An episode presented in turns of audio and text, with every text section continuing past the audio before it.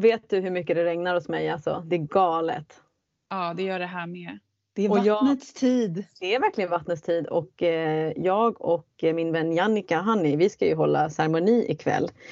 Eh, och vi ställer inte in utan det här är ju verkligen eh, to show up kände vi på riktigt. Alltså visst om det blir tornado och blåser och hagel. Men däremot har vi vidtagit åtgärder så här, för att kunna ha en ceremoni i dessa eh, superregntider. Så, så är det med oss. Men alltså du och jag är ju lite tränade i samma skola. Vi har ju haft samma Ja. lärare. Det känns ju lite som att det är den hårda vägen vi har gått som är så här, Jajamän. typ som att tanken på att man ska ställa in för att det åskar lite och för att man håller på att få en blixt i huvudet. Det är så här, eh, är du en häxa eller?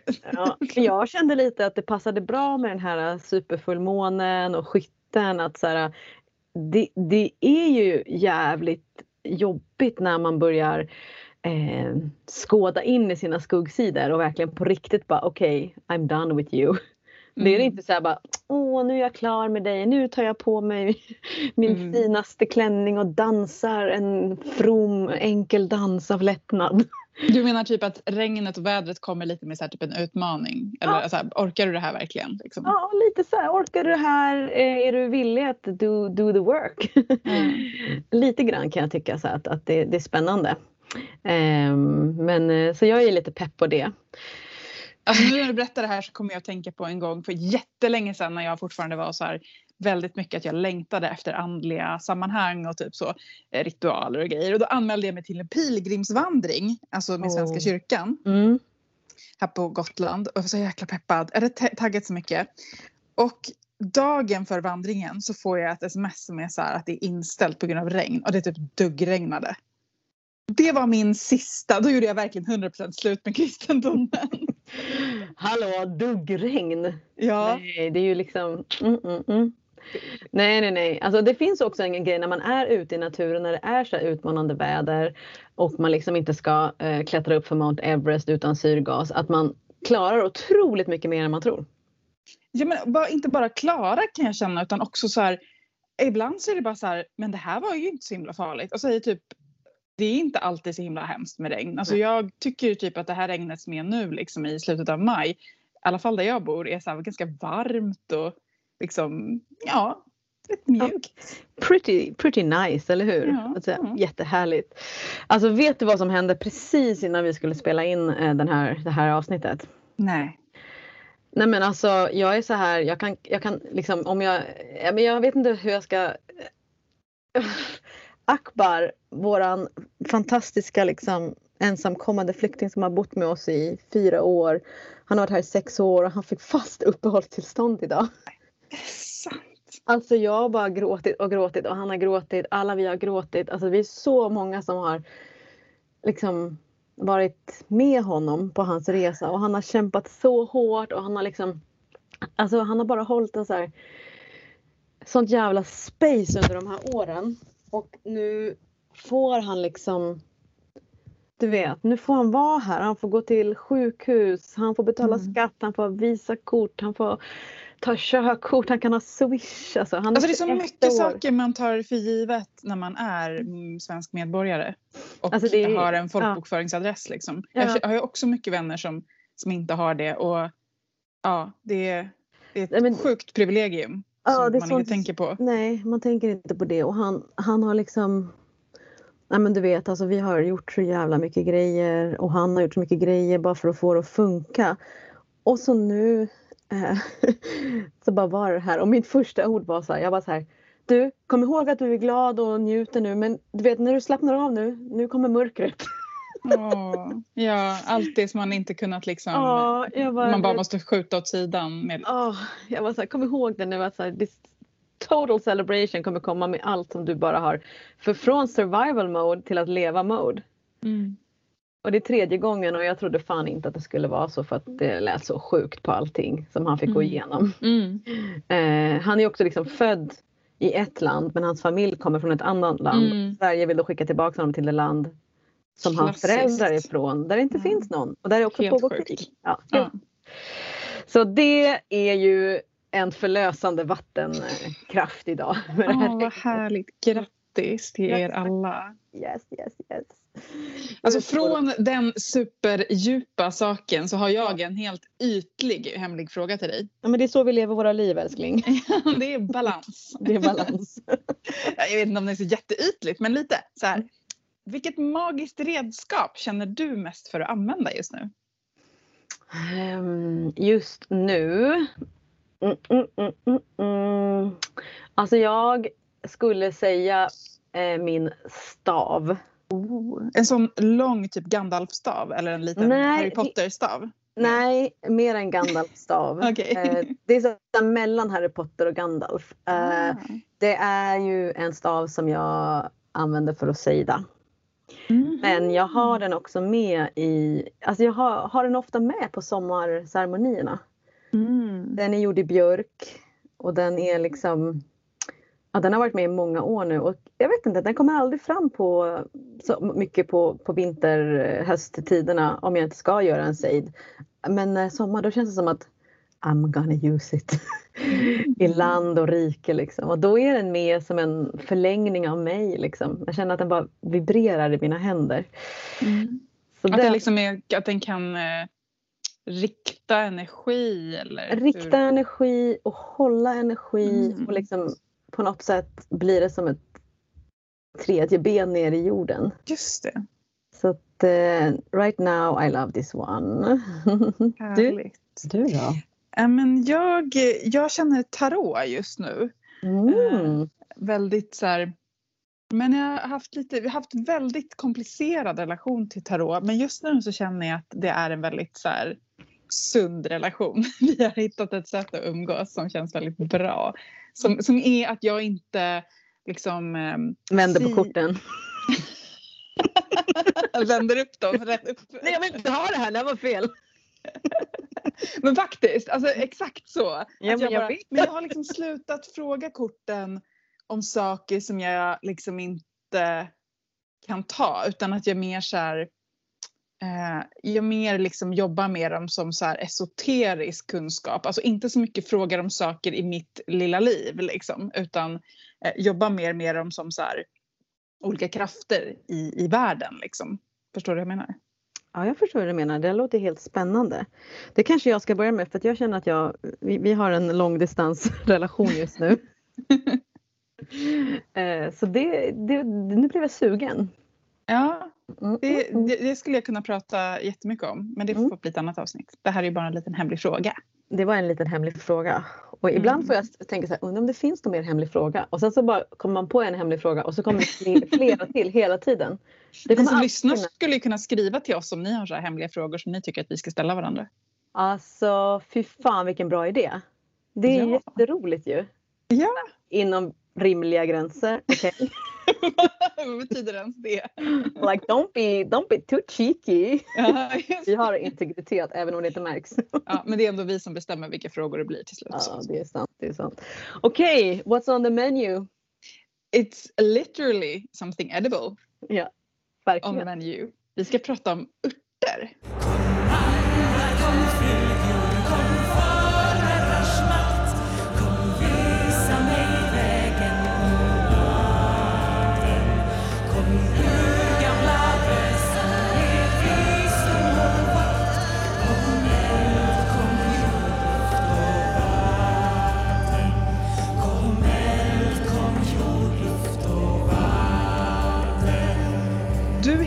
Heter ju Wild Herbarista på Instagram så att jag mm. känner liksom att eh, det eh, förpliktigar ju lite grann. Du kan lägga din barm vid mina bröst så ska du få suga lite och äta bröstmjölk. är det det du säger? Ja, det är det jag säger. Nu ska, nu ska jag suga i mig massa ja massa kunskap. Men alltså, vad, kan inte mm. du berätta vad, liksom, hur du kom in på örter? Hur du, hur du blev en herbarista? Ja, eh, hur jag blev en herbarista var... Jag, jag, jag, skulle säga att det finns en ung initiering eller försök till initiering när jag liksom ville vara i trädgården med vuxna som liten. Men det var ju inte någon som kunde någon jävla skit. Så det var ju bara så här, äh, det där är väl någon blomma. Det där är väl någon syren typ. Alltså så här, det var ingen som riktigt var intresserad. Och jag typ så här, eh, läste ju mycket fantasy som, på mellanstadiet och sen även högstadiet. Då, då var det ju mycket så här, healers och läkekunniga. Och jag åkte då till medeltidsveckan helt själv när jag hade fyllt 16 och bara lajvade Örtagumma. Oh, gud vad underbart! Oh. Bodde i tält liksom och hade mina så här alltså kunde ingenting. Jag hade någon så här, du vet, så här, husapotekbok med mig. Men jag bara älskade det liksom. Sen råkade jag stuka foten eh, och eh, kunde typ inte riktigt gå. Och så bara kullerstenar i Visby. Så att det blev mest att jag låg själv i mitt tält med en stukad fot. Så här, tills några eh, andra reenactment eh, medeltidare så här, bar upp mig till sitt läger så fick jag ligga där. Mm. Men den stora liksom mer professionella eh, initieringen det var efter jag hade mm, gjort klart, alltså efter jag hade gått klart eh, skådespelarutbildningen och börjat jobba så kände jag liksom att den här världen är underbar och fantastisk men den suger med mig. Det är liksom, och det är mycket yta och det är mycket kul och det är mycket liksom eh, komma på en fest och är man i lockropet och folk gillar en så kollar de en i ögonen annars kollar de bakom en och ser om det är någon som är coolare på den festen och så vidare. Alltså så här, verkligen liksom you need some fucking guts att vara där och man måste orka. Så jag gjorde inte riktigt det. Eh, bara det här måste ha någonting som gjorde mig och då gick jag in på Gryningens hälsokost i Stockholm. Eh, och bara frågade Micke som jobbar där och bara hej jag måste få packa örter, jag gör det gratis. Hon bara ah nice, kul. Varsågod, wow. det finns mycket som helst. Så, fick jag, så satt jag där inne i deras liksom, lager och bara packade deras örter i typ ett halvår. Och sen fick jag jobb där. Extra jobb mm. liksom. Så jag parallellt liksom teaterarbete och jobbade i eh, hälsokosten. Mm. Och sen dess liksom så har det varit det som jag har använt mig av när jag varit sjuk eller när jag behövt stöd eller när jag har eh, ja, kanske någon har frågat efter råd så har jag vänt mig dit. Och sen såklart att jag, får jag migrän så märker jag direkt nu om det funkar med någonting örtmedicin eller om jag måste ta en Naproxen. Så jag, jag är inte hardcore i min believe liksom men jag vänder mig alltid till örterna i första hand för att hoppas mm. att det är någonting som går att lösa liksom. Mm. Eh, så, så, så är den liksom och sen har jag gått Jag är inte, jag är liksom, jag kallar mig ju herbarista och inte herbalist för att jag, en herbalist är ju någon som har en liksom ett diplom eller en officiell utbildning inom inom fytoterapi eller örtlära men därför så tyckte jag att det var kul att leka med titeln herbarista som barista. Att liksom mm. jag, jag, kan väldigt mycket men jag eh, liksom, ni kan inte komma till mig och få liksom så här den här aktiva ämnen är det som gör det, som det, det och det. För att jag, jag har mm. inte en sån utbildning men, men jag kan väldigt mycket. Liksom.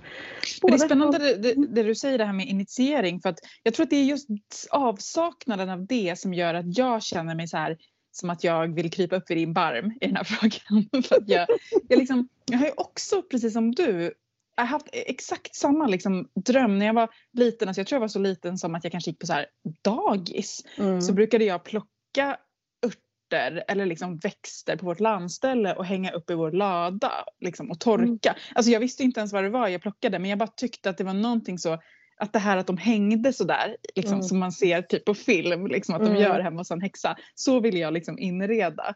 Så det mm. känns som att och jag minns att jag köpte en örtbok. Det var typ den första boken jag någonsin köpte. Jag måste ha varit liksom typ max tio år när vi var på besök i Järna hos en så antroposofisk liksom, butik så hittade jag en jättefin örtbok. Liksom.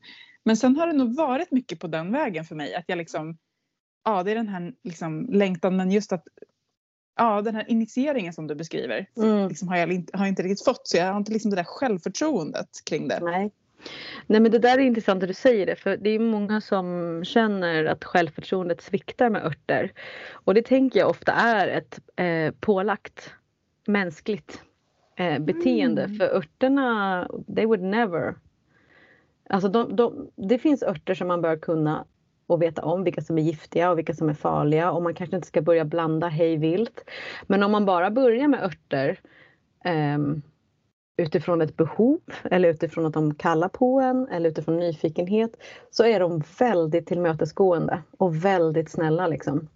Den enklaste formen av initiering det är att börja umgås med dem. Mm. Och det svarar jag nästan alltid på frågan liksom, med självförtroende. Och det är så här att okej, okay, men antingen väljer du en ört eller så låter du örten välja dig. Och när man då väljer en ört själv så kan man ju bara så här, ja rölleka. Så kan man läsa på, man kan googla, man kan göra allt det där. Men vad du verkligen vill göra är att gå ut och lägg dig i ett fält av röllekor. Mm. Alltså umgås med dem på riktigt för att det här kallet som både du och jag pratar om det är ju inte så här att, att det är liksom vi ska jobba med örtmedicin och bli fytoterapeuter. Det är ju Nej. no, this is the voice of the foremothers. Det är liksom verkligen eh, rösterna från det förflutna som kommer till oss för de fanns ju här långt innan vi ens fanns på den här planeten. Mm. Så att de innehåller ju både liksom så läkeegenskaper men de innehåller ju också um, vad ska man säga, ett eget språk för att inte försöka bli alltför super, super invecklad. Ett språk. Det är nästan som att de berättar för en vilken medicin man behöver. Eh, men då måste man hänga med dem. Mm. Eh, och det är någonting som jag verkligen tänker så här, I challenge you this summer, inte bara dig Eldin, men att Mm. välja ut en blomma och bara, ja, men jag, ska, jag ska vara här liksom komma nära jorden, komma nära röllekan eller vad fan det nu är för blomma, ört under en längre tid. Jag tänkte på en sak, det var så fint när jag förberedde mig inför det här avsnittet för att jag följer, jag har följt en person på Instagram väldigt länge, alltså på tal om så initieringar och, och lärare så finns det ju många liksom, ja men det finns ju många man kanske har följt jättelänge på typ Instagram och sådär som, som nästan blir till slut någon slags eh, mentorer och den här Ja. personen, vi kanske, jag vet inte om det är folk som känner till The Woman Who Married the Bear. Eh, Mm. Som eh, skrev ett inlägg precis innan vårt avsnitt här nu där hon skrev just att så här, den här viljan att använda örterna, så här, vad kan den här örten göra för mig? Och att hon pratade om det som att det inte är egentligen själva det centrala för hon jobbar ju med örter liksom utan att Mm. det är relationen. Ja. Eh, och det har vi pratat om, jag kände att det klickade så fint för mig för det har vi pratat om förut att inte Mm. liksom gå ut i naturen och bara vad vill den här fågeln mig? Vad är det för tecken? Mm. Utan att också så här, det blir så ensidigt, det blir nästan liksom det blir så här som att eh, den Mm. örten eller fågeln blir det som ett objekt, en, ett instrument för mig liksom, Mm. mer än att det blir det här relationen som vi Mm. ändå är ute efter. Liksom.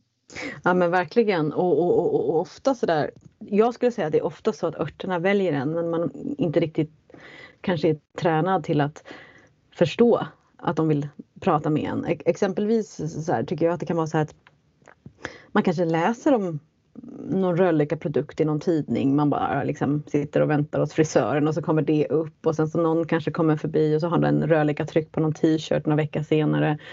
Och sen så eh, står det liksom mm, på Google Yarrow Tea eller någonting och så bara kommer de upp sådär och sen helt plötsligt så går man ut och så bara märker man att precis utanför där jag alltid går så växer det rölleka Mm. längs hela jävla vägen. Den bara hallå! Ja. I told you this. så att absolut, det, det, den här, och det är också det, jag tycker så här. Eh, det här avsnittet kommer ju inte heller handla om att den här- örten är bra för det, den här örten innehåller det. Utan det kommer säkert bli lite samtal om det men det handlar snarare om så här vilka örter kan jag bli allierad med för att Mm. nå dit jag vill? Eh, hur, hur ska vi skapa en, en, en relation, en union? Ehm, för att om man kommer till mig och säger så här, jag har hosta. Eller jag har problem med, med mm, kramper vid mens. Och jag, vilken ört ska jag använda? Har du någon ört som är bra för det? Och jag måste alltid, alltid säga jag kan inte ge råd via DM eller kommentarer eller mail utan jag behöver liksom känna dig. Och det är så här på grund av att den här örten kanske passar jättebra för mig. För att jag har den här kroppskonstitutionen och jag har den här historien. Medan du och jag har samma symptom, vi hostar. Men din hosta kommer av en annan anledning och om då jag ger dig slemlösande, typ salvia eller någonting, så har det inte alls samma effekt för du skulle behöva något liksom typ lugnande, dämpande eh, mm. här, läkemalva eller någonting. Så att man kan ju absolut dela in örter så här, bra vid hosta som en stor indelning men sen måste man ju gå in och förstå vad för slags hosta vart i kroppen sitter den här hostan? När kommer hostan? Eh, vilka tillfällen är den allra värst? Liksom, blir du kall? Är du för varm? Är du för fuktig? Är du för torr? Det är ju väldigt liksom också baserat på typ mer kinesisk ayurvediskt sätt att se på örter. Mm. Vilket kanske inte är så konstigt för den europeiska örttraditionen är ju bruten. Den bröts mm. under häxprocesserna och levde lite grann kvar i Skandinavien och lite grann kvar på de brittiska öarna. Men sen har man ju liksom mendit. Man har ju liksom skapat tillbaks den och försökt att lägga ihop information och lägga ihop det, som, det lilla som har varit skrivet och så vidare. Men den här nedärvda kunskapen försvann. Ja, då blir de här obrutna traditionerna som finns på andra kontinenter mm. kan ju vara ett sätt att kanske pussla ja, ihop. Liksom. Exakt, och det är så som många eh, har, har gjort. Liksom. Många europeiska moderna herbalister, liksom, att de mend it together och kopplar ihop det. Liksom, och så. För att typ som på de det som finns bevarat på de eh, i brittiska öarna, i keltisk herbal repertory, så är ju mycket, det är mycket eh, ceremoniella örter, mycket druidörter. Mm det är väldigt spännande liksom att det är alltså örter som används vid ceremoni um, och sen örter som liksom kan försätta en i olika tillstånd men också örter då som kan rena eh, både platsen och en själv och så vidare. Mm. Så att det är ju det är ändå jätteintressant men just den där kroppskonstitutionen och um, hur vi är och hur vi fungerar som människor. Det är någonting som verkligen har fått så här, ja, komma. Det är därför det ibland kan finnas problem när man börjar jobba med örter så här kliniskt. Att så här, hmm, det funkade inte riktigt när nu, jag har fortfarande kvar det här problemet. Att man dels använder örterna för kort tid och dels kanske liksom använder inte rätt ört fast man tror att det är rätt ört. Men du, hur ska man alltså tänka kring det här med, du sa att du inte är hardcore liksom. Och där känner jag så här, jag är ganska hardcore i att jag, eh, alltså om jag verkligen mår dåligt så jag har ingen lust att typ experimentera. Jag vill bara typ så här, nu vill jag mm. må bra. Också, alltså jag tänker framförallt tänker på typ psykisk ohälsa där jag känner att jag har mått så pass dåligt att jag bara, jag har inte tid, jag kommer inte överleva om jag inte bara fixar det här nu liksom. Nej. Eh, alltså hur ska man hur ska man välja liksom, så här, vilken väg man går? Om man går så här, örtvägen eller typ skolmedicinvägen, gå till apoteket. Alltså, så här, hur, du sa så här, om jag har migrän så måste jag känna efter vilket av det jag ska välja. Alltså, hur, hur vet ja. du det? Liksom? Nej, men om vi tar min migrän exempelvis mm. så kan jag, jag, jag, jag, känner när den, jag känner vilken slags migrän jag kommer få. Mm. Om den liksom startar väldigt långt ner i nacken och bak i huvudet och börjar liksom ta sig upp mot, mot, eh, mot ögonen Mm. Då vet jag att jag behöver ta typ en Naproxen eller någonting väldigt fort för att det, det kommer inte funka annars. Men däremot om det startar eh, mera som en spänningsmigrän liksom vid, vid pa, eh, pannan, tredje ögat, ögonbrynen. Då kan jag typ dricka alltså vitpilste eller jag kan dricka no, no, någonting med salicid, salicylsyra, älggräs, eh, pilbarkste för att liksom öka blodflödet och mm. så kan jag liksom vila och börja trycka på ögonbrynen och då så, så kan det släppa. Mm. Eh, men men då, det handlar ju också om en kroppsförnimmelse. Att jag behöver, det är likadant som, jag ju, om man följer mig på Wild Herbarista så vet man ju också att jag talar väldigt öppet om könsherpes. Alltså det är ju någonting som jag lever med och där är ju också en sån där kroppsförnimmelsegrej. Jag måste veta jag måste känna i fittan att nu, det här är på väg att bli ett skov av, av utbrott. Och jag måste ta tag i det där skovet liksom direkt. Om jag känner det så kan jag, jag kan inte vänta tills jag kommer hem efter något jobb eller efter hem. Jag måste mm. liksom ta tag i det direkt. Så jag behöver ju då kanske ha eh, i mitt fall, det som jag jobbar med är att jag har eh, ett kosttillskott som är L-lysin som jag tar i större grad tillsammans med C-vitamin och sen så försöker jag då eh, göra som ett eh, bara försöka ånga, bara vad fan, mm. jag än är någonstans. Liksom. Jag bara fixar vattenkokare, eh, skiter i örter, men jag har ju alltid lite örter med mig. Liksom. Men så bara kör jag liksom järnet för att stävja utbrottet. Mm. Men det är inte alla som kanske har det så akut. Liksom. Många, många kanske kan komma hem. Liksom. Men för mig är det så. För att om jag väntar då vet jag att då är min enda väg att ta medicinen. Mm. Men nu har jag ju inte behövt ta den medicinen har jag inte ens hämtat ut på tre år. För att det här funkar för mig. Mm. Men Naproxen har jag ju hemma just in case. Liksom. Men jag tycker liksom att det är på något vis viktigt att och liksom, nu ska vi prata om örter men jag tycker också att det är viktigt att lyfta i det här sammanhanget för att eh, jag äter eh, SSRI, alltså antidepressiv medicin, har gjort det liksom i jättemånga år och har absolut inga planer på att sluta göra det för det funkar jättebra liksom, ja. för mig. Och att, att det liksom ibland kan finnas en sån, eh, alltså någon slags värdeskala i att så här, ja, det har absolut gjort för mig. Jag har verkligen känt mig som en misslyckad häxa som typ inte kan trolla bort min ångest. Liksom. Eller ja, att jag måste liksom hänfalla till skolmedicinen. Liksom. Eh, och det tänker jag är, det är inte hjälpsamt att tänka så. Liksom. Skolmedicinen kommer ifrån örter. Alltså så här, om man har varit på typ ett apotekarmuseum någon gång så är det liksom om det går i kronologisk ordning så börjar det liksom med gigantiska eh, liksom örtlådor eller örttillbringare.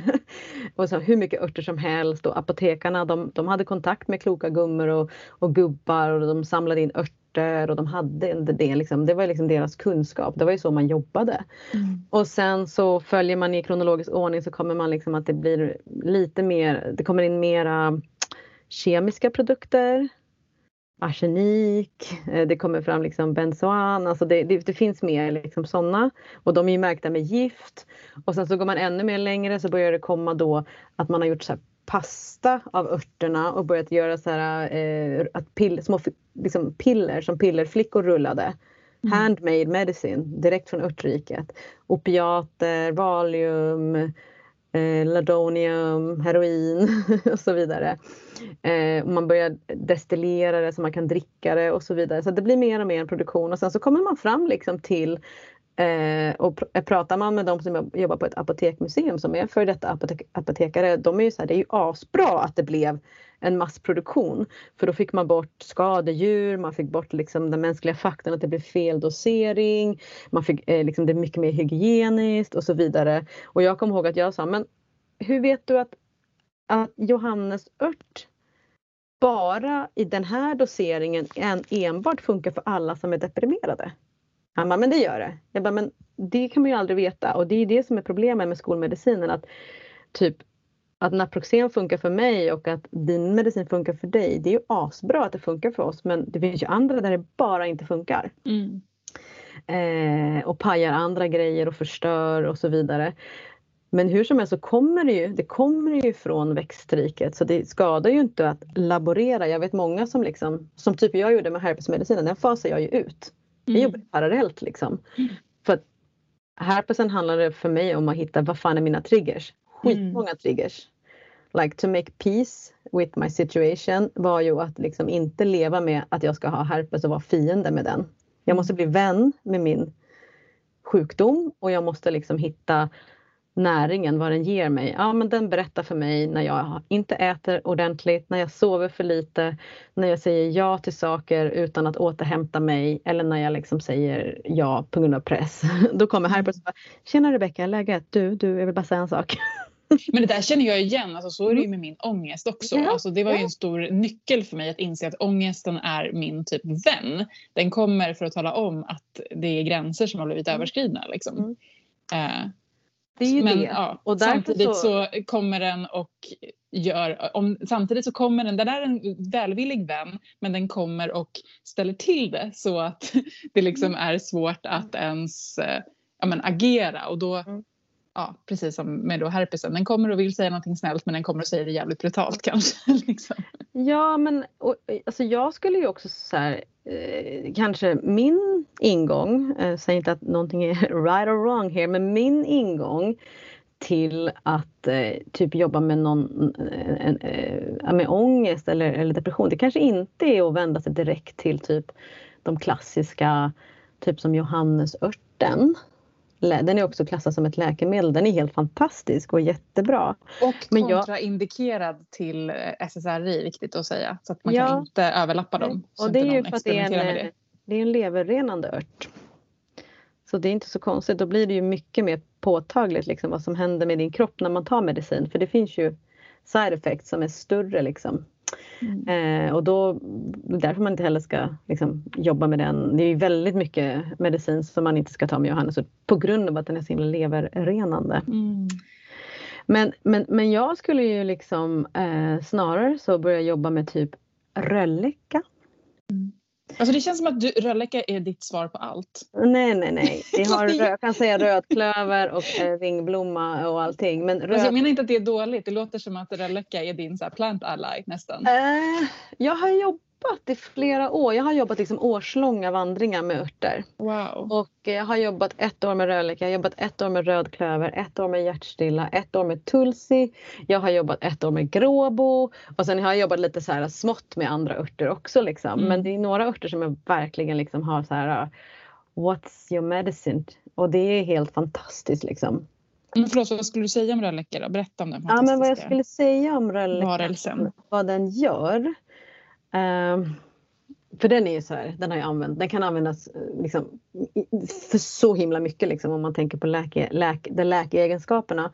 Men om man jobbar mer med relationen och om man jobbar mer med uh, den intuitiva medicinen i rölleka så är, så är hon liksom fylld av mod och förlåtelse. Mm. Men hon, hon kommer med mod och förlåtelse för hon kommer också med eh, face your fears. Hon kommer också med så här, shit den här sanningen är inte kul för dig Rebecka, men hur länge ska du trycka den åt sidan? Hon är liksom så snäll och så öm och hon, hon kommer liksom med en väldigt mjuk eh, kraft, mjuk, mjuk liksom mm, egenskap. Men hon går ganska snabbt direkt in på platser där man liksom har lagrat ilska eller utanförskap eller att man är väldigt sårad eh, och har byggt upp stora sköldar för att man är så himla himla rädd för att man ska gå sönder igen eller bli sviken igen eller tagen för givet och så vidare. Så när hon river och börjar liksom luckra upp den här mm, vad ska vi säga, fortet eller liksom belägringen vilket hindrar oss från att ta emot den hindrar oss från att ta emot kärlek. Eftersom vi inte vågar så kan vi inte ta emot kärlek. Vi kan heller inte ta emot intimitet även om vi längtar efter kärlek och intimitet. För vi, är så himla, alltså vi har varit, blivit så himla skadade. Så det som den gör alltså under lång, lång tid, den bara kommer in och så buffar upp sig och bara så här speak to you, to your heart, rätt in i hjärtat. Eh, och, och visar liksom att det är just det här som är så himla, det har vi pratat om förut, liksom att, att det är så himla stark revelation när man fattar att sårbarhet är styrka. Hon kommer nästan som en Alltså som ett hav, som underifrån kraft med det här snälla modet och förlåtelse. Typ, jag håller din hand men du måste ta tag i den här obekväma sanningen. Eh, så att det är som att Röllekan också lär mig, men även andra vet jag har fått samma känsla att Gränsdragningen, den är så jävla viktig. Men den ska inte vara en sköld eller en borg utan du ska ha din liksom, du ska vara din eh, krigare, krigarinna med rölllyckan som bästa liksom, allierade och förstå att gränserna är här för att skydda dig men de måste vara böjliga.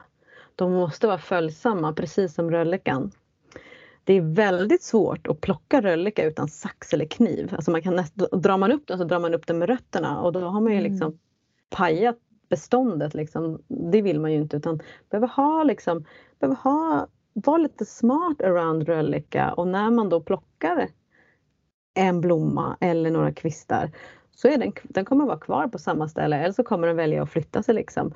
Men mm. drar man upp så försvinner röllekan. Och det är det som jag tycker är så himla intressant med just den här växten att hon påminner oss om att så här, du behöver inte dra upp dig själv med rötterna. För det är kanske inte, det är inte du som ska ändra hela ditt jävla väsen. Du behöver bara plocka ner skölden. Mm.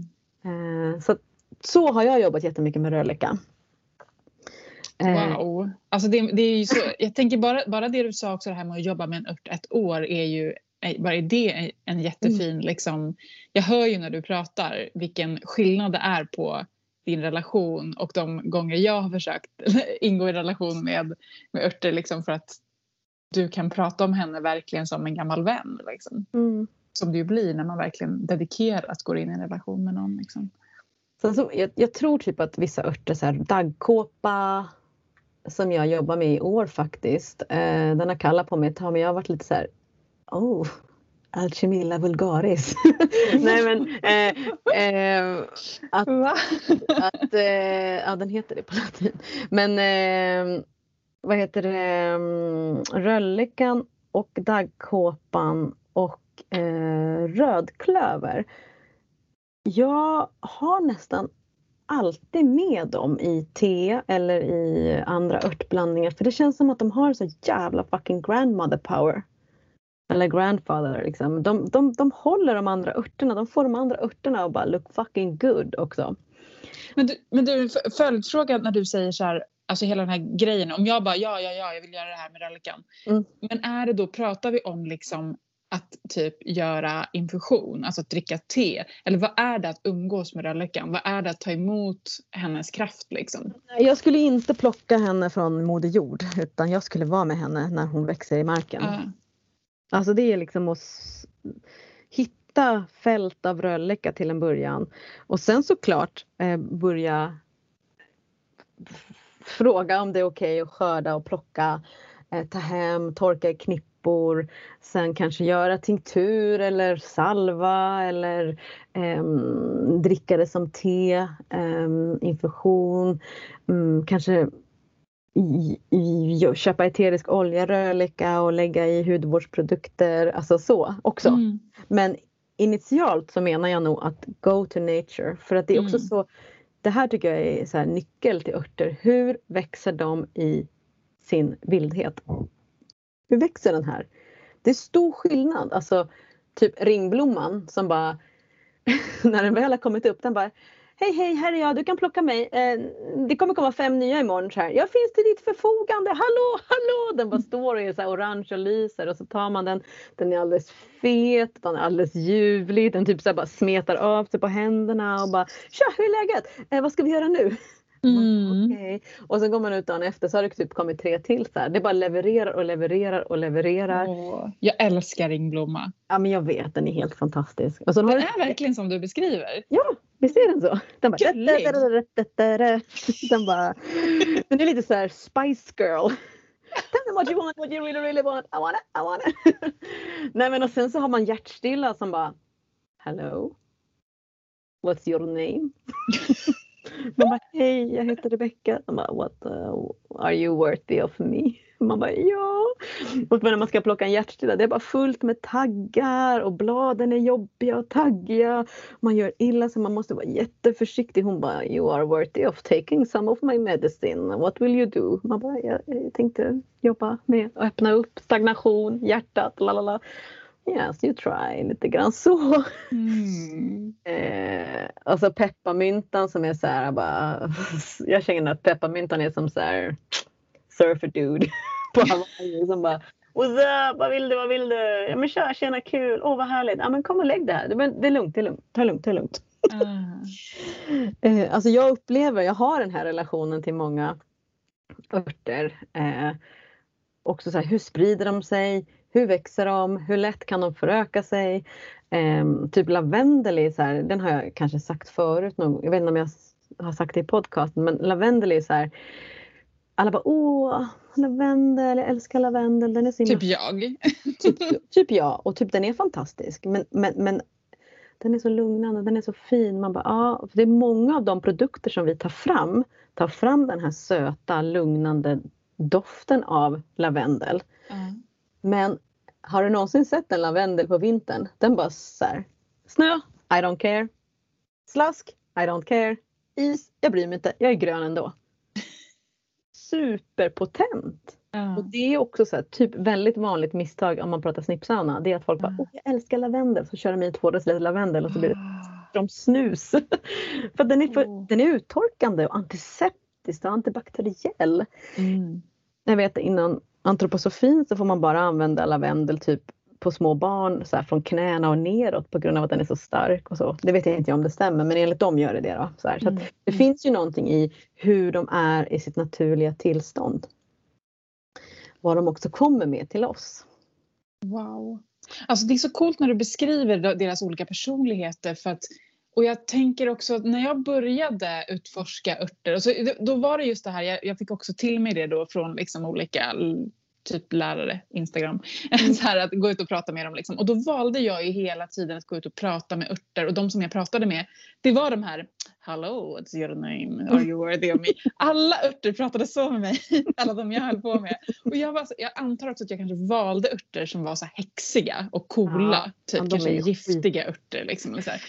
Och pratade med dem. Och jag blev liksom, jag tror jag blev lite skrämd. Ja men jag förstår det. Får snacka med en trollhassel. Den bara, eh, jag ser inte dig. Du är bara en liten myra. så jag vet inte, jag har liksom helt, jag, jag, gick, jag backade från allt det där och jag, jobb, jag är bara liksom de här riktiga snällisarna är de Mm. som jag håller på med just Men nu. du är ju väldigt, alltså jag tycker ändå du är väldigt örtig. Du har ju mycket, liksom, jobbar ju mycket med rökelse. Du har ju alltid Ja. färska blommor och örter och sånt hemma hos dig och växter och grenar och så. Ja, men alltså jag, ja, verkligen. Alltså jag älskar ju att odla har jag gjort jättemycket. Tänkt på det. Jag tror, att, jag tror att också för mig tror jag det går en stor linje av respekt, eh, där, eh, gräns till rädsla, när det gäller vilda och odlade växter. Alltså för Mm. växter som jag odlar, örter, de, de känner jag ju som familj. Liksom. Mm. De Mm. har jag inte, då är det liksom jättefin relation. Mm. Medan allt som växer vilt, det är nog lite på samma sätt som ibland liksom, men den vilda naturen som kan vara som vi Mm. pratat om. Det är liksom spindlar och det är getingar och det är Mm. taggar. Och liksom, Mm.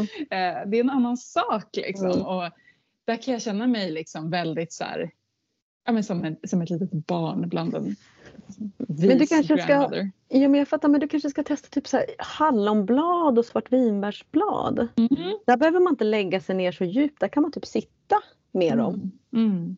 Mm. Eh, och jag, kan, man kan trumma, man kan sjunga, man kan också liksom bara ehm, det är nästan som att de börjar viska efter ett tag. Kanske inte direkt, de vill ju se vem du är och så vidare. Kom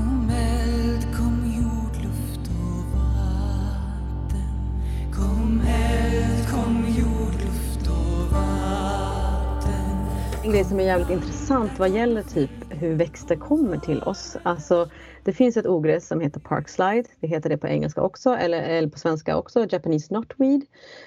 Det, den är invasiv och alla liksom vill bara få bort den för den är helt apajobbig liksom, när man sprider sig på alla sätt och kanter. Den kommer från liksom, en stad som då heter Lyme som ligger i Nordamerika. Och i den staden så började då eh, alltså borrelian att sprida sig jätte, jättemycket. Alltså verkligen så här, alltså det blev stora eh, borreliautbrott. Och Och- är det därför som borrelia heter borrel, eh, Lime? Ja. Precis. Alltså Lyme, L-Y-M-E. Ja. Kommer det från den staden alltså? Ja, precis. Shit, okej. Det hade jag ingen aning om.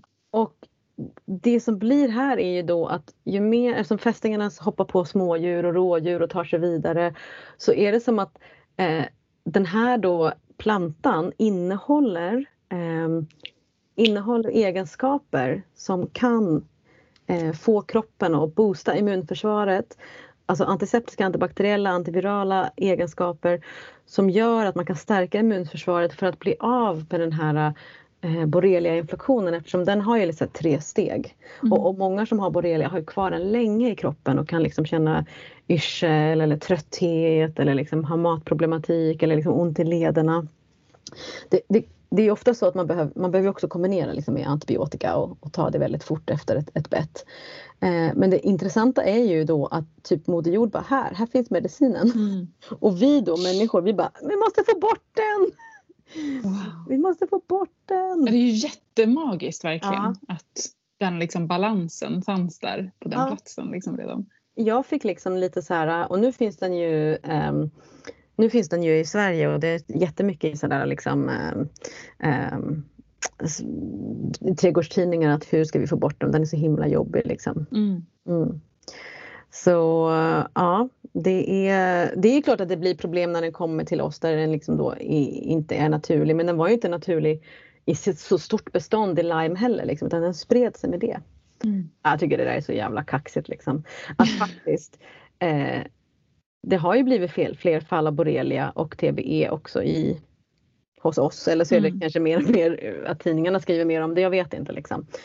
Men, men det tycker jag är super super intressant för den kommer från, alltså egentligen mo, modersfamiljen är bo, som en bovetefamilj och bovete också, det, det är ju hur lätt som helst. Om man bara slänger ut några frön så kommer det bovete. Så att den är ju den, den är liksom som att den, den kan sprida sig snabbt på grund av att vi kanske, vi kanske behöver den hjälpen. Mm. Jag tycker superintressant i alla fall. Mm. Mm. Och jag tänker att that makes sense om man tänker på hur världen såg ut för länge sedan. Att men det var mycket mindre i sina communities. Man kan inte liksom byta kunskap liksom lätt eller ta sig någonstans. Liksom. Det är ju bara en väldigt, väldigt modern tid man lätt och snabbt kan ta sig till en annan del av eh, en, en, en- ett land eller till ett sjukhus över ens del. Liksom, att man förr i tiden måste jobba med det som fanns verkligen i ens närhet. Och det tycker ju jag är, Mm. alltså det är väl typ den praktik som jag i alla fall verkligen omfamnar i mitt Mm. ganska så här taffliga örthäxskap. Det är ju i alla fall att, att liksom på något sätt lära känna de växter som växer där jag bor. Alltså Mm. verkligen Mm. gärna liksom at my doorstep liksom. Och, så att man inte behöver liksom så tänka att det ska vara någonting så exotiskt och springa och leta efter något som egentligen inte alls liksom vill växa här. Och så kanske det är någon liten oansenlig sak som bara den här har stått här hela tiden och den är jättemagisk. Liksom. Just det, just det, precis. Jag upptäckte ju att det växer, det är inte en ört kanske men det är i alla fall växtmagi, att det växer eh, havtorn vilt, Ja. typ utanför min dörr basically. Ja. Och det var så, jag var liksom helt golvad när jag, så, när jag insåg att det var det som växte. Jag tyckte det var så jäkla magiskt. Och Mm. det där är ibland också liksom, tänker jag bara är så här, alltså hur vissa växter talar till en. Alltså bara jag såg den så kände jag så här, det var som ni vet en gloria runt den. Liksom. Jag bara, andra Mm. människor kanske bara går förbi den. Liksom. Jag, när jag väl såg den så bara kändes det som att den, här står ju något supermagiskt mitt utanför min dörr. Och jag Ja. har gått förbi den i flera månader. Liksom. Ja, men jag, jag älskar det. Jag, det där är så fantastiskt liksom när man bara This is what I'm gonna work with. Nu har ju hon kanske kallat på dig då så det är väl, eh, ha, Ja, jag, det är väl det- den du ska umgås med. Det ja passar väl bra med din träning också. med min träning. Priestess training, inte din eh, fysiska kroppsträning. Men eh, det är ju en, det är ju en eh, fantastisk kärleksört. Är det? Mm. Mhm. Ja, nej, Ja, men jag får väl se vad det hon berättar. står där utanför din dörr och bara What's up? Mm. Men, ja, men jag tänker så här, en grej som jag också vill säga innan vi, liksom, vi kanske måste börja runda av snart är ju så här. Inom kinesisk örtmedicin så jobbar man ju väldigt mycket med så här. Är örten, vad är örten för något? Är den, liksom, är den kall? Är den varm? Är den torr? Är den fuktig? Eh, har den stärkande, stabiliserande egenskaper? Är den upplösande? Är den bitter? Är den eh, liksom eh, stärker den och tonar ki, det vill säga själva kraften i vissa organ eller främjar en yang, flöde och så vidare. Och det, jag läser väldigt mycket om kinesisk örtmedicin och jag kan absolut inte säga att jag liksom sitter inne på the knowledge men jag läser väldigt mycket för jag, jag tycker att det här är för mig ett väldigt lätt sätt att jobba med örter om man tänker mer att man vill jobba för, för sig själv då, eller för, för andra. Mm. Eh, så om man, tänker, om man tar typ näss, nässlan som, är en, en du, som du älskar, ja, det var därför jag Ja. pratade om den. Det, det är ju en, en, en, en ört som innehåller otroligt mycket eh, mineraler. Kalcium, potassium, silicea, magnesium, mangan, zink, krom, you name it. Vilket då i sin tur blir då att det blir en lever och en blodtonande ört. Så både tonande, renande och närande egenskaper för levern. Och levern renar ju blodet. Så du får ju liksom då extra liksom, näring till blodet, till eh, blodcellerna. Och inom då kinesisk örtmedicin så pratar man om att nässlan ökar blodets stringens, ökar blodets kraft genom att öka blodceller i kroppen. Och då liksom vill man ju eh, kanske man tänker om man har sådär typ, om man är väldigt trött, om man har väldigt mycket humörsvängningar, om man har väldigt liksom, svag menstruation, kanske bara eller väldigt långa cykler, eh, svårt att gå på toaletten och tömma blåsan, har lite bröstmjölk. Då är en sån ört liksom helt eh, fantastisk att använda. För den har de här egenskaperna. Och om man då också lägger ihop liksom hur den ser ut, att den, förutom att den också har de här mineralerna så har den också proteiner och liksom klorofyll, aminosyror i sig. Så om man typ skulle vilja, om man orkar så skulle man kunna samla nässelblad och pressa juice typ på morgonen så skulle man få i sig världens mest fantastiska shot om man har liksom kanske problem med trötthet, problem att ta upp järn i, i, eh, i kroppen. För att när den liksom rengör och stärker levern så stärker den också binjurar och sköldkörtel och äggstockar, testiklar. Det blir liksom, könshormonerna i sig får sig en boost av en sån här liksom ört. Så jag tycker liksom att um, det är inte fel att ha en örtbok också eh, och kunna liksom eh, jobba med den men jag tycker att det kan vara intressant att säga, men vad är egenskaperna då? Alltså det är egentligen ett annat sätt att översätta det som jag pratade om med det här med relationen, den här mera eh, liksom, intuitiva relationen. Här blir det en annan slags relation. Okej, okay, du är så här och du är så, du är så. Ja, men okej, okay, men du har ju det här problemet, jag har det här problemet. Kanske om jag tar den här örten tillsammans med eh, den. Det borde man kanske kunna liksom, för nu får jag både lite som, som gör det här och det här. Eh, någon som har jättemycket mellanblödningar kanske behöver flera örter som stärker ki i livmodern och så vidare. Så jag tycker om eh, den här kinesiska örtmedicinen. Mm. Eh, för att jag tycker att det är nästan lättare då att plocka ihop ett litet kit av vad man behöver. Och det kanske, alltså jag tänker att det är ett så himla bra tips för det kanske kan hjälpa oss som har lite dåligt självförtroende kring örterna att liksom, mm. det inte handlar om att lära sig en lång lista på egenskaper utan att, utan att det går både intuitivt men också faktiskt rent bara liksom typ visuellt att att liksom så här avkoda vem mm. är du, vad mm. har du för egenskaper och ja. hur, hur, kan vi liksom synka mm. eller inte synka. Mm. Ja men verkligen och, och, då kan jag ju tycka så att det är ju någonting som man bara måste göra. Det är ingen idé att gå till en, någon som, alltså det är klart man kan begå, betala pengar och få jättemycket kunskap från någon som kan örter. Tillsammans då med att man också hang with them.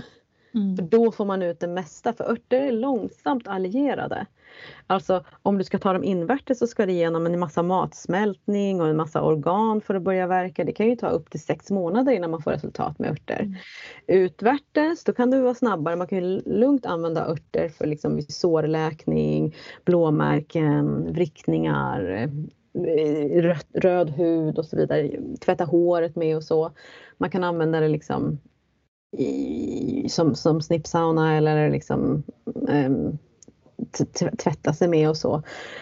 Men det är ändå inte så här, alltså det kan ändå behövas, eh, till skillnad från typ då skolmedicinen som är snabb. Vilket jag kan tycka är skönt ibland. Liksom. Eh, och jag brukar tänka så här att i, i den bästa av världar så går de här hand i hand. Jag menar, precis som du säger med din medicin, låter ju som att du kanske kommer komma till någon stund i ditt liv där du känner att nu, men nu är det dags att testa och då är ju du vid den, liksom, det valet eh, och göra det. Men om någon liksom har varit med om en olycka och blöder, då är det ju liksom, man ringer ju 112 och åker till sjukhuset. Mm. Eh, men, men, om någon eh, liksom är hemma och, och är snuvig så kanske man inte behöver boka tid på vårdcentralen utan man kanske kan testa då så här, jag testar ett ångbad och ser om jag får ut lite snor. Jag, jag testar liksom eh, kamomillbad för ögoninfektion. Det rekommenderar de ju för, liksom, för barn så här, som har mm. ögoninfektion och så vidare. Så att, det kan ju också så här, om man skulle tänka att örterna fick lite större plats i ett modernt samhälle så skulle kanske folk inte eh, överbelasta vårdcentralerna också. Så man, det här var faktiskt någonting som jag kunde fixa lite hemma. Mm. Eller också att folk kunde säga så här, men du jag får alltid ont i huvudet innan mens. Ja, men det hör ihop med din hormonhälsa. Kan vi jobba där liksom? Vi Mm. kanske då, hur hur ser det ut? Och jag menar, jag tycker att i en sund och modern värld så skulle det här vara liksom pretty fucking obvious. Liksom, att vi, bara, vi jobbar lite här, vi jobbar lite där. Det ena utesluter inte det andra. Mm. Ehm, men, men det blir ju som du säger extremt åt alla håll och kanter. Alltså jag har varit, alltså folk har varit så arga på mig för att jag har sagt typ att jag har badat mina bebisar med kamomill när de har ögoninfektion som gick Mm. över på en sekund. Jag hinner typ inte ens säga så här. Alltså det var sjuksköterskan på BVC som sa det. Så det, är jag, det är inte jag som bara hittar på det. Hur kan du utsätta ditt barn? Ba, ba, ba, ba, ba. Jag bara, ja, fast jag känner kanske att jag inte vill typ ta en, en ögondroppe på apoteket till en tre veckors bebis. Det känns lite lättare för mig med kamomill. Mm. Och så här, är det okej? Men alltså folk kan bli så arga. Det är den där det, är, ilskan. det, är verkligen, men det är verkligen polariserat alltså Ja. åt, åt alla håll. Liksom. Mm. Eh, Men, men det är ju den här dualismen som vi försöker Som överbygga här. försöker överbygga. Nej men så det, det, det, jag, jag tycker att jag tycker det är jätteviktigt att ha respekt. Precis, lite som vi pratar om nu med hjärtstillan och de här ör- örterna som bara you shall not come to me yet you don't Är de ryska allihopa? Nej men jag är ju mycket, jag, jag, jag, jag är så här, jag, jag tycker att det är liksom mycket, när någon pratar så då blir jag alltid så här, yes ma'am I will step aside. Jag försökte närma mig Trollhassel. Ja. Är det ingen chans, jag var inte där ännu. Alltså då, jag tänker jag ska av, vi, kan, vi kan avsluta den här äh, diskussionen med den sjuka saken som var att jag, jag köpte frön till någon äh, typ squash eller någonting. Ja, mm. Alltså, nej, nej, nej. Alltså, jag, köpte, jag skulle odla grönsaker och en av dem som kommer upp är inte en squash utan en spikklubba. Nej, det är ju bra jobbat, de är svåra att odla. Ja, alltså den, och, och jag var så här, jag liksom bara, ja men nu har den kommit till mig så nu ska jag jobba med den. Och ju större den blev, det, är lite, det här är lite Fenrisulven känner jag nu. Ju större den blev desto mer blev jag bara till slut så här, ah, ah, bara svettas, bara, åh gud, alltså jag kan inte typ hantera det här. Jag kan inte, I cannot Jag house this. på mig nu av skratt, det här är för roligt. Jag ser framför mig hur ni umgås. Alltså det var så spänd relation. Eh, Men eh, och jag, jag eh, gav bort den till slut till min kära häxvän Korpmor. Som jag kände att Mm. de var lite bättre aligned. Det, de var lite bättre än line här. Ja, nej men there is a, det, det finns liksom tider i livet när man ska ha vissa örter och vissa örter som man bara får vänta på initiering eller inbjudan och så vidare. Eh, jag har ju lyckats umgås med hjärtstilla. Hon har förstått hur jag vill göra med henne liksom och jobba med hjärtöppnande och hjärt, liksom, kopplingen mellan hjärta och livmoder. Så det, det är okej men, men eh, d- jag odlar själv liksom också. De är här utanför min dörr och varje gång jag går förbi så är jag så här Hej, hej du mäktiga. Och på andra sidan är ringblomman så bara na na na na na na na na na na na na na na na Jag tycker det är mysigt att vara där faktiskt med de ringblommorna. Det är också lite som jag är, liksom. jag är lite mer en ringblomma kanske. Mm. Jag är i alla fall jätteinspirerad att börja hänga med mina örtkompisar här där jag bor nu. Tack för inspirationen. Ja, men vad roligt att vi fick ta så mycket tid att prata örter. Liksom inte så här, du vet, jag var ju så orolig för att så här, jag bara Eldin ställ inga frågor om vad den här örten är bra för. Men jag är så ointresserad av det. Alltså jag, ju, jag- vill ju, jag Ja. vill liksom jag är så trött på alla frågor som är vad saker kan göra för en. Jag Ja. tycker mer, vad kan vi göra för dem är Ja. egentligen oftast en Precis. mer intressant fråga. Ja. Ja men verkligen alltså. Nu, nu när jag umgås med daggkåpa, alltså jag har ju blivit helt Alltså så här på morgonen. Jag vill liksom, jag vaknar tidigare än allihopa i familjen. Bara gå ut och bara kolla på de här dropparna som ligger i daggkåpebladen. Du vet. Alltså det är så jävla jävla vackert. Och jag bara, liksom. Nu har jag fått så stor daggkåpa så jag ska dela den liksom till mindre. Och jag missade lite luckan för det. Eh, så jag kanske måste vänt- vänta till hösten. Men å andra sidan, jag känner nu när jag umgås med henne att jag tror att hon, she can do it. Mm. ja. Mm. Jag har en sån ört just nu som också är så här, där där jag verkligen inte, jag är helt ointresserad av vad den kan göra för mig. Jag, vill, jag är bara så tacksam över att den finns på denna jord och att jag får, får finnas där med den. Och det är backtimjan som växer vilt på Gotland. Ja men alltså wow. Den är bara så här, jag vill bara liksom falla ner på knä när den Mm. doften kommer emot Mm. mig och jag ser Mm. den. Liksom. Det är, den är bara, Den är helt den fantastisk. behöver bara vara. Liksom. Mm. Så är det. Ja, men det är det jag menar. Örter är örter, det är blommor, det är buskar, det är träd, det är bark, det är ogräs.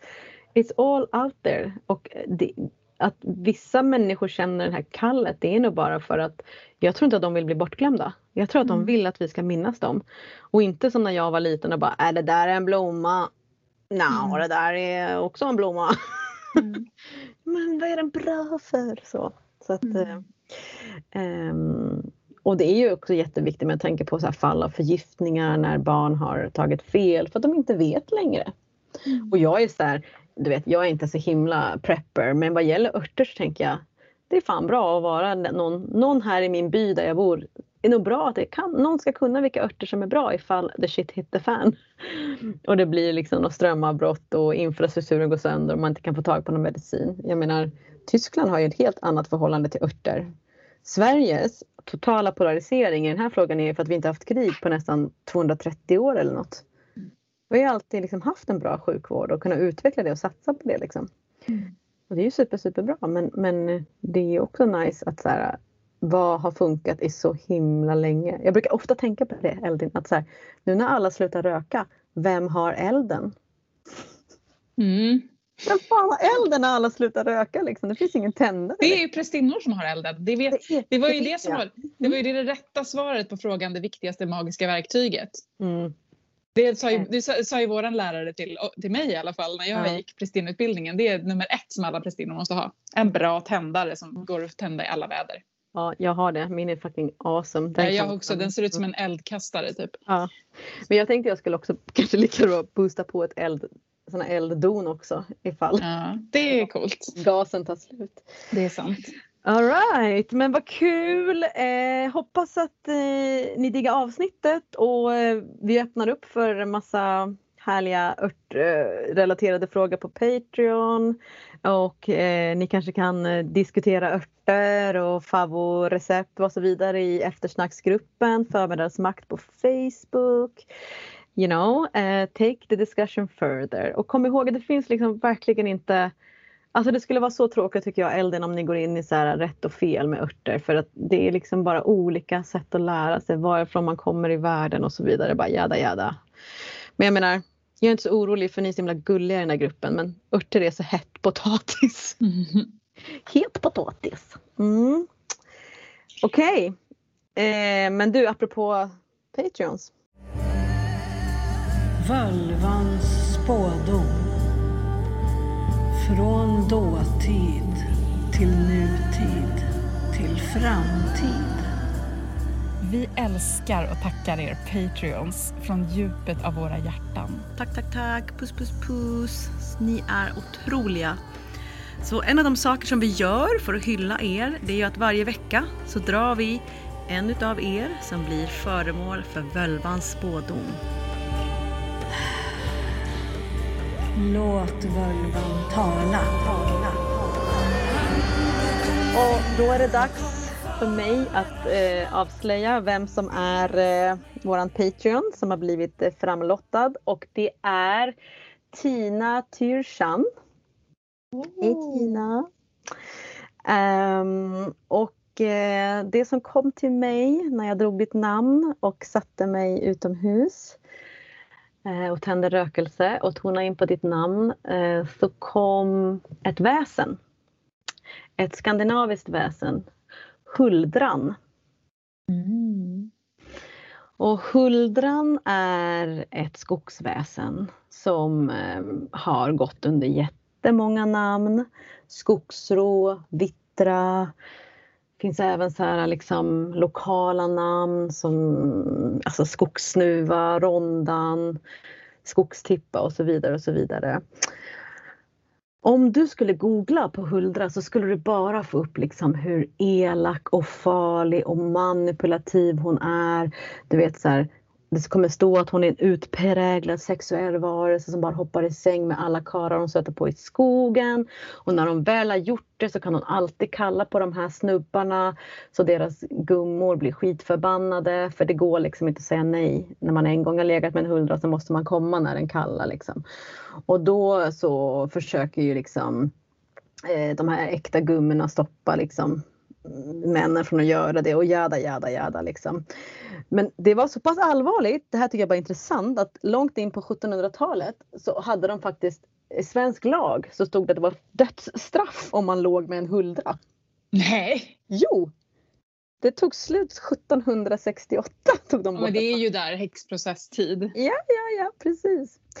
Eh, så det, hon är väldigt, alltså vi har ju pratat mycket om väsen och, och, och, eller monster som har blivit demoniserade. Men här har vi ett väsen som bara är liksom så jävla liksom enkelspårig i folktro som man nästan blir så här, men gud alltså är det någon som ens tror på det här liksom? Eh, hon är ofta då porträtterad i samma gamla folktro att hon är en väldigt vacker kvinna, kvinna som har hål i ryggen. Liksom. Men det som hon är och det som kommer till mig är ju hennes absoluta renaste form som rådare, som väktare över skogen. Den som råder över skog, djur och alla som vistas där. Så att visst, hon skulle kunna vara farlig men hon kan också vara hjälpsam. Liksom. Eh, så det är ju den huldra som kom till mig, hon, hon var verkligen liksom bara den som höll space för den här platsen. Hon sa om du vill vandra här med mig så håll i, följ, jag kan, jag kan guida dig. Eh, det här är plantorna, det här är träden, här bor det fåglar. Eh, det är så här vi rör oss på den här platsen för då mår alla bra. Så att tänka att det är någon som, som faktiskt vakar över en plats och tar hand om en plats och ser till att den platsen mår bra. Och då behöver man ibland också vara någon som säger åt på skarpen. För att man har en helhetsbild. Eh, och huldran, även om det är allt det här sjuka som jag precis sa innan. Det som också finns kvar det är att hon alltid är på djurens sida. Mm. Så hon är alltid hos djurens sida. Och eh, det tycker jag är intressant. Och det finns, man kan, när, man jagade djur så fick man verkligen inte skjuta hennes älgko eller hennes renko och så vidare. Men hon avbildades väl ibland med äh, rävsvans också? Ja, med Så jag rävsvans. tänker att hon liksom har någon koppling så till Ja, djurriket. verkligen skulle tydligt. kunna vara en, en handskiftare. Liksom. Mm. En intressant grej är att eh, i skogsrå hos samerna eh, har varit en manlig karaktär. Eh, också uppe i norr så liksom har det varit både manliga och kvinnliga skogsrån. Mm. Men sen någonstans, och jag vet inte varför, någonstans liksom så bara byter det till att det bara är kvinnligt. Men är inte det med alltså när 1700-talet! Ja, men att, liksom att eh, det, det som är negativt laddat automatiskt knyt, knyts ihop med det kvinnliga. Liksom. Att, Ja, man kan ju tänka sig att eh, alltså, många som jobbade i kolgruvor, kolmilor, skogsarbetare som var långt bort från liksom, samhället långa tider, liksom, att de kanske också blev lite, lite ensamma och började fantisera och så vidare. Och då kanske man Mm. liksom ville verkligen, precis som man berättade elaka saker om Näcken för barn så berättade man de här historierna för de här männen som inte skulle göra bort sig. Jag vet inte. Men hur som helst eh, så eh, tänker jag liksom att hennes medicin nu i Völvans spådom är just den där uh, Dare to be the guide. The caretaker. Så det tycker jag bara är så här lite fint för jag tycker inte alltid det är som att när någon månar om en plats eller vill ta hand om någonting så är det bara att mm, en kan höra att den personen skriker och är så himla jobbig. Eh, Men det är också för att man inte har fått Alltså om Huldran finns så har ju hon hand om platsen och då är det någonting vi vet om och då lyssnar vi på Huldran. Men om vi inte har blivit den då eh, utnämnda utan kämpar för någonting utan att någon annan egentligen ser den, då blir man ju den som nästan måste skrika. Jag vet Mm. inte om du gör det Tina, jag säger inte att du gör det men, men just det där att få, få vara den som råder över platsen och att jag väljer då som besökare att lyssna på dig och respektera. Mm. Mm. Och att som den som då säger nej och ibland måste vara bestämd så kan man också bli eh, ja, lite svartmålad så som Huldran har blivit. Liksom. Ja. Alltså, många av de här rådarna, och rå, skogsrå, bergsrå, gruvrå, de är ju väldigt liksom, de är alltid ute efter män liksom. Mm. Eh, så det är ju någonting med den där folktron, den är väldigt kristen på något sätt också. Mm. Och patriarkal. Och patriarkal liksom. Ehm, Det finns alltid en annan sida av historien. Alltså det, är så att det är uppenbart att det här är inte Huldrans egen historia. mm. Den, den, den historien. Liksom. Nej, det är, det, är absolut inte ehm, hennes egen historia och det är viktigt att säga. men det, den får vi istället i Välvans spådom. Där får vi väl en spådom. Så varsågod Tina. Huldran är din.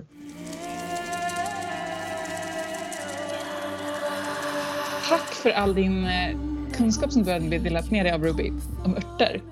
Alltså det var ju jättekul att få ha en egen podcast där man får bestämma själv över innehållet med sin kompis. Alltså jag tänkte också på att vi pratade inte så mycket om örtmagi men det kanske är för att det är ett helt eget avsnitt. Ja, det är nog ett helt eget avsnitt tänker jag. Det, Det får vi, vi- vi drar ut på det, suger Ja, musten ur alla ämnen. Ja. Ja, men då vill jag bara avsluta med truly good news i Goddess-världen. Det är att eh, det finns ny musik. Naomi Runa har släppt ny musik. Eh, liksom typ Goddess, pop, hiphop, mysigt som bara den på svenska. Jäkla nice beats, asroliga, eh, bra eh, verser och rim. Finns på Spotify, Naomi Runa och eh, första spåret heter Som du är, Sacred Union.